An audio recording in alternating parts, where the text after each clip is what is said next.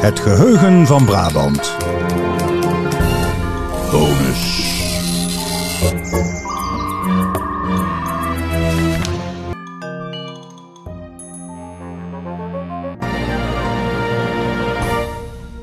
Je luistert naar een bonus bij onze aflevering over vrouwen die hun mannetje staan. Marilou sprak met Vrouwkie Tuinman over haar boek Tijdelijk Verblijf. Dit boek is gebaseerd op waar gebeurde feiten. In 1959 overleden kort na elkaar drie broers uit een Eindhovens gezin. Na de dood van de tweede jongen begon een gerechtelijk onderzoek. Uit heel Nederland, maar ook uit Engeland en Canada, kwamen bij zowel de kranten als de politie bezorgde berichten binnen over vergelijkbare plotselinge sterfgevallen van kinderen. Bij de meeste van hen bleek het echter om verklaarbare ziektes te gaan. Ook na herhaaldelijke autopsie op de Eindhovense jongens werd nooit duidelijk waaraan ze stierven. Eind januari 1960, krap een maand na de dood van de jongste zoon, werd de zaak gesloten. hey, vrouwtje, daar zijn we weer. nu in de bonus. En ik zei dat we benieuwd waren wat jij ervoor toen je het voor de eerste keer de Citadel binnenstapte. Maar dat was helemaal niet zo nieuw voor jou eigenlijk. Uh, nee, ik, ken de, ik kom uit een bos en ik ken de Citadel gewoon van zien liggen en omheen wandelen. En mijn moeder doet al jaren heel veel stamboomonderzoek. Oh, aanvankelijk vooral in een bos. Maar zoals dat gaat, als je verder terug gaat in de tijd, krijg je er steeds meer lijnen bij. En dus inmiddels moeten ze in het hele land eigenlijk naar archieven. Dus uh, het was voor mij geen nieuw verschijnsel. Nee. Wat wel heel erg leuk was, ik heb de research voor tijdelijk verblijf uh, in een hele rare tijd gedaan, namelijk het eerste coronajaar. Alles was dicht. Hmm. En uh, alles waar ik normaal heen zou gaan als ik zo'n project zou researchen, dat kon nu niet. Ook, ook gewoon heel letterlijk. Ik zou normaal gesproken naar het huis zijn gegaan. Uh, het zijn drie panden.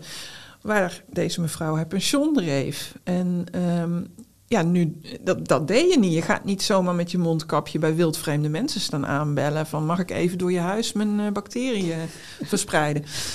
Dus, um, maar ook in archieven was het ontzettend lastig omdat de meeste archiefmedewerkers thuis werkten en dus geen toegang hadden. Natuurlijk wou ik allemaal dingen hebben die juist nog niet gedigitaliseerd waren. Sommige heb ik letterlijk pas ontvangen nadat ik het boek af had. En um, ja, dus toen was het wel heel bijzonder toen ik hier in het BIC kwam. Waar ik ontzettend goed geholpen was in de maanden daarvoor. Omdat iemand meteen geraakt was door het verhaal. En van alles voor mij op ging zoeken. En dat dan e-mailde. Was het wel heel erg uh, ontroerend om dingen in het echt te zien. Ja, om een overlijdenscertificaat nou eens daadwerkelijk in handen te houden. Was wel heel mooi. Ik had het boek toen al af, maar toch uh, vielen er toen dingen voor mij samen. ja.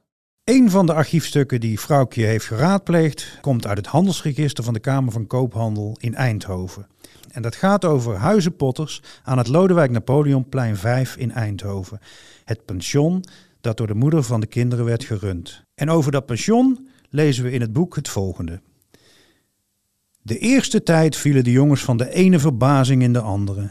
In het pension aan het plein verbleven mensen van wie je wist dat ze bestonden, maar nooit had bedacht dat ze ook gewoon een bed nodig hadden, een wc en iemand die hun kostuums voor ze perste. Muzikanten, danseressen, goochelaars en lui van wie je niet precies wist wat ze deden. Soms bleven ze een week, soms een paar maanden, soms maar een dag. Er waren er die een papegaai bij zich hadden of een stel konijnen. Er waren er die je een straat verderop kon horen, omdat ze op hun saxofoon oefenden met het raam open. Sommigen kwamen midden in de nacht zingend thuis. Als je dan naar buiten gluurde, zag je ze zoeken in hun zakken. En nog een keer, en nog een keer, tot ze toch maar aanbelden. En denk je dat je dan ook geraakt bent om misschien vaker de archieven in te duiken? Ja, ik hou er sowieso wel van. Ik had al eerder een historische roman geschreven, maar die speelde in Italië. Dus dan heb je weer andere hobbels om te nemen.